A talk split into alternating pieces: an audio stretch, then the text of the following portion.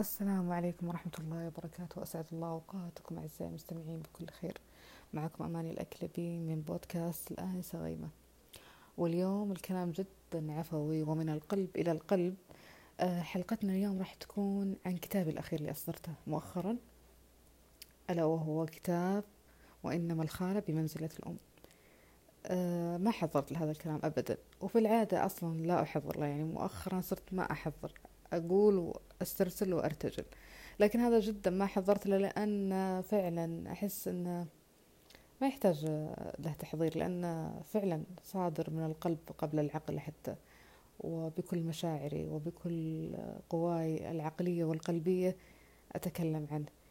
هذا الكتاب أصدرته وهو طب يعني كما يقال فريد من نوعه ولأول مرة. أنا ما أدري صراحة في حد سبقني لهذا الأمر أو لا.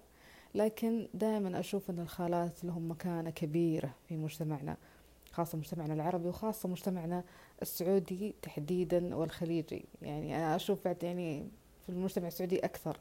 فالخالة ربما لم تعطى حقها. دائما نرى أن الأم لها مكانتها طبعا ولا خلاف في هذا الأمر. ثم الجدة. لكن الخالة يكون لها دور كبير وبارز ولها يعني مبادرات طيبة لكن لا يعني يلقى لها بالا أو يعار لها اهتمام. لا أقول أن هذا الموضوع آه، ساري مفعول على الجميع لكن في البعض جدا يهمل هذا الموضوع أو لا يركز عليه أو لا يعطيها أهمية. يعتقد أنها أصلا لأنها تسوي هذا الشيء عفوا هذا الشيء يعني آه، مجبرة عليه لكن في أحيان كثيرة ما هي مجبرة عليه بالعكس تسوي بكل حب وبكل يعني صدق. آه، وهذا الحاصل معي للأمانة. فكنت أبي أتكلم عن هذا الموضوع وبداية قبل أن أتكلم عنه كخالة. طبعا أنا خالة وهذا الشيء جدا يسعدني ويشرفني وأجمل لقب حصلت عليه في حياتي كلها. وأنا أعيد وأكرر أنه أجمل لقب لأنه فعلا أعطاني شعور بالحياة أعطاني شعور أني مسؤولة آه، أعطاني شعور أن لا أنت لك مكان الحين وصار لك مركز مهم في هذه العائلة. مو فقط فرد من العائلة وكل إنسان له أهميته أكيد لكن لما تعطين لقب خالة عمة جدة أم يتغير الوضع. وأنا فعلا تغير معي الوضع كخالة. ومن الخالة ومن خلال الخالة اللقب هذا الجميل العظيم بالنسبة لي أشعر أني أصبحت أم. أم يعني على قولتهم قيد التنفيس لأن فعلا أحس بالأمومة تجاه أبناء أختي وأحس بالأمومة تجاه صدق يعني أي طفل قدامي يناديني بلقب خالة أحس أني أنا مسؤولة منه وأنا كأمة. آه، أكيد لا تعوض الأم لكن كتعويض ثاني أو كبديل آخر آه، له في حال غياب أمها. فأنا أشعر أني أصبح أمة في هذه اللحظة. المهم نتكلم الآن عن قبل أن أصبح خالة. وكانت الخالة بالنسبة لي في حياتي. الخالة طبعا في بداية أنا عندي خالتين. بعيدين كل البعد عني كعمر كموقع جغرافي لأنه واحدة في منطقة أخرى وكانت واحدة أيضا في منطقة لكن الآن أصبحت قريبة. في الحالتين حتى عندما أصبحت قريبة هي جدا كبيرة في السن والله يحفظها ويبارك لنا فيها ويطول في عمرها لكن ما شعرت بشعور الخالة اللي كنت أستمع إليه يعني أو أسمع به عند الصديقات والقريبات الأخريات. فكان الخالة أسمع أن لها مكانة يعني مهمة وأنها قريبة جدا من أبناء أختها يعني وبنات أختها. أنا ما شعرت بهذا الشيء ولا هو قصور فيهم هم لهم التزاماتهم ولهم حياتهم ولا يعني ولا يعني عتبان عليهم ولا واحد بالمية. كل واحد وله يعني كل واحد وله حياته وكل واحد وله قدراته وإمكانياته. وفعلا كل واحد وله طاقة في إعطاء الحب أو في العطاء بشكل عام. فربما لأنهم كبيرات في السن ربما لأنهم لديهم أبناء كثر لأنهم عندهم أحفاد أيضا.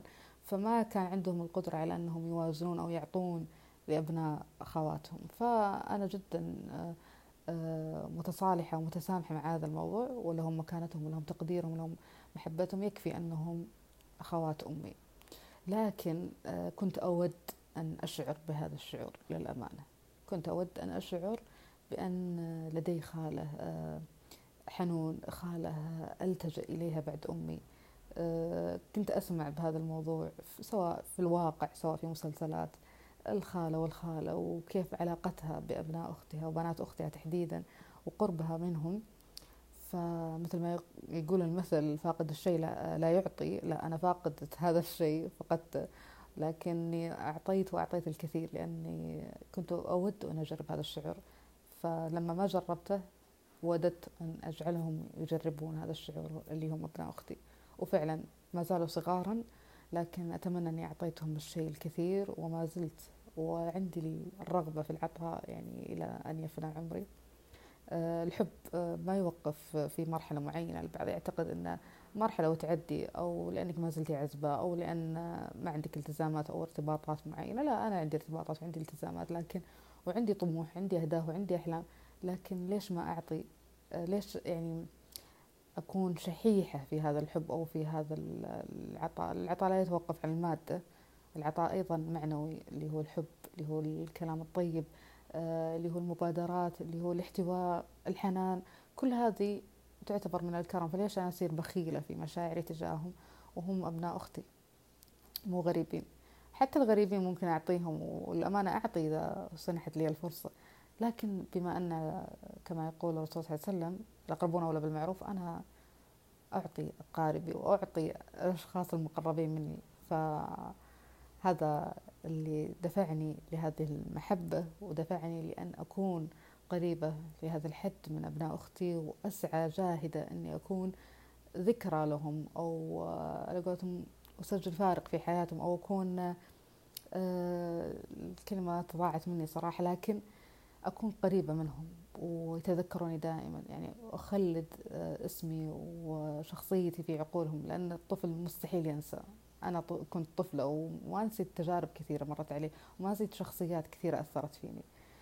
فأود أن أكون مؤثرة في حياتهم أود أن أكون ملجأ لهم بعد الله وبعد أمهم يكون آه، خالة أماني في آه، أذهانهم بعد الوالدة وبعد الجدة أيضا ما أهمش دور الجدة دور الجدة جدا كبير. فهذا من أسباب كتابتي هذا الكتاب أني أنا فقدت مكانة الخالة في حياتي وأنا أعيد وأكرر لهم عذرهم ولهم آه، التزاماتهم وهذا شيء آه، لا نتناقش فيه. لكن لما آه، جربت هذا الشعور قلت خلوني أعوضه في أبناء أختي. وفعلا الطفل مو بس اللي نعطيه إحنا حنان حتى هو يعطينا حنان حتى هو يعطينا كلام طيب حتى هو يجبر بخاطرنا مو بس إحنا. ودائما أقول فعلا إحنا اللي نحتاج الحنان من الأطفال مو هم اللي يحتاجونه منا. إحنا نحس إن فعلا في حالة نحتاج حضن منهم نحتاج دفئهم نحتاج لطافتهم نحتاج صدقهم في كل شيء في مشاعرهم في كلامهم في تعابيرهم حتى. أما بالنسبة الآن كخالة طبعا أنا تكلمتكم كابنة أخت الخالات لكن أنا كخالة الآن آه، خلوني أقول لكم آه، مشاعري تجاه أبناء أختي واللي من من خلالها ألفت هذا الكتاب وسعيدة جدا بهذا الكتاب. يعني ألفت ثلاث كتب يعني من قبل لكن هذا الكتاب أحس إني صبيت كل مشاعري وكل أحاسيسي وعواطفي فيه. وفعلا والله العظيم يعني وأحس إني بعد ما أعطيت ذاك الشيء الكثير لأن في أشياء سبحان الله ما تنكتب. في أشياء تنحس أو تنشاف مثل ما يقولون. فمشاعري تجاههم ابدا لا توصف صراحة. يعني جيت الآن أسجل هذه الحلقة وأحس إني عاجزة عن وصف هذه المشاعر. لكن اللي أقدر أقوله ان أبنائي أحباب قلبي رئتين كما ذكرت في إهدائي لهم في هذا الكتاب قلت إن هم كالرئتين بالنسبة لي. هذول الطفلين بالنسبة لي رئتين تنفس معهم الحياة. آه إيش أقول بعد؟ آه الله يحفظهم يا رب ويسعدهم ويبارك لنا فيهم ويجعلهم من عباده الصالحين. وإن شاء الله يا رب إذا كبروا يسمعون هذا الكلام ويحسون خالتهم تحبهم ومو يحسون يتأكدون. ومو بس الآن واللي أقوله وأعيد وأكرر لا تجعلين محبتك فقط كمرحلة بمجرد أن تتغير. آه، حالتك الاجتماعية تقولين لا أنا عندي أبناء وأنا ملزمة فيهم وما أقدر أعطي أبناء أختي هذاك الحب اللي كنت متفرغة وعزباء فيه. لا لا. الحب يظل للأبد. اللي تحبينه تحبينه للأبد. مثل حبك لأمك لأبوك لأخواتك لأخوانك. ما أتوقع أنه يتوقف بمجرد أن تتزوجي. نفس الشيء على أبناء أختك. ليش ما أحبهم؟ بالعكس هم أول أطفال في حياتي. هم اللي أعطوني هذا الشعور يمكن قبل أبنائي حتى. مو يمكن قبل أبنائي فعلا. فسعيدة جدا بأني أصدرت هذا الكتاب كتخليد كتذكار كبرهان لمحبتي لهم. وأسأل الله أن لا يحرمني منهم. و إيش بعد؟ فقط. هذا وصلى الله وسلم على نبينا محمد. ودمتم بخير وفي أمان الله ونلقاكم في حلقات أخرى. وأعتذر على الإطالة وفي حفظ الله ورعايته ومع السلامة.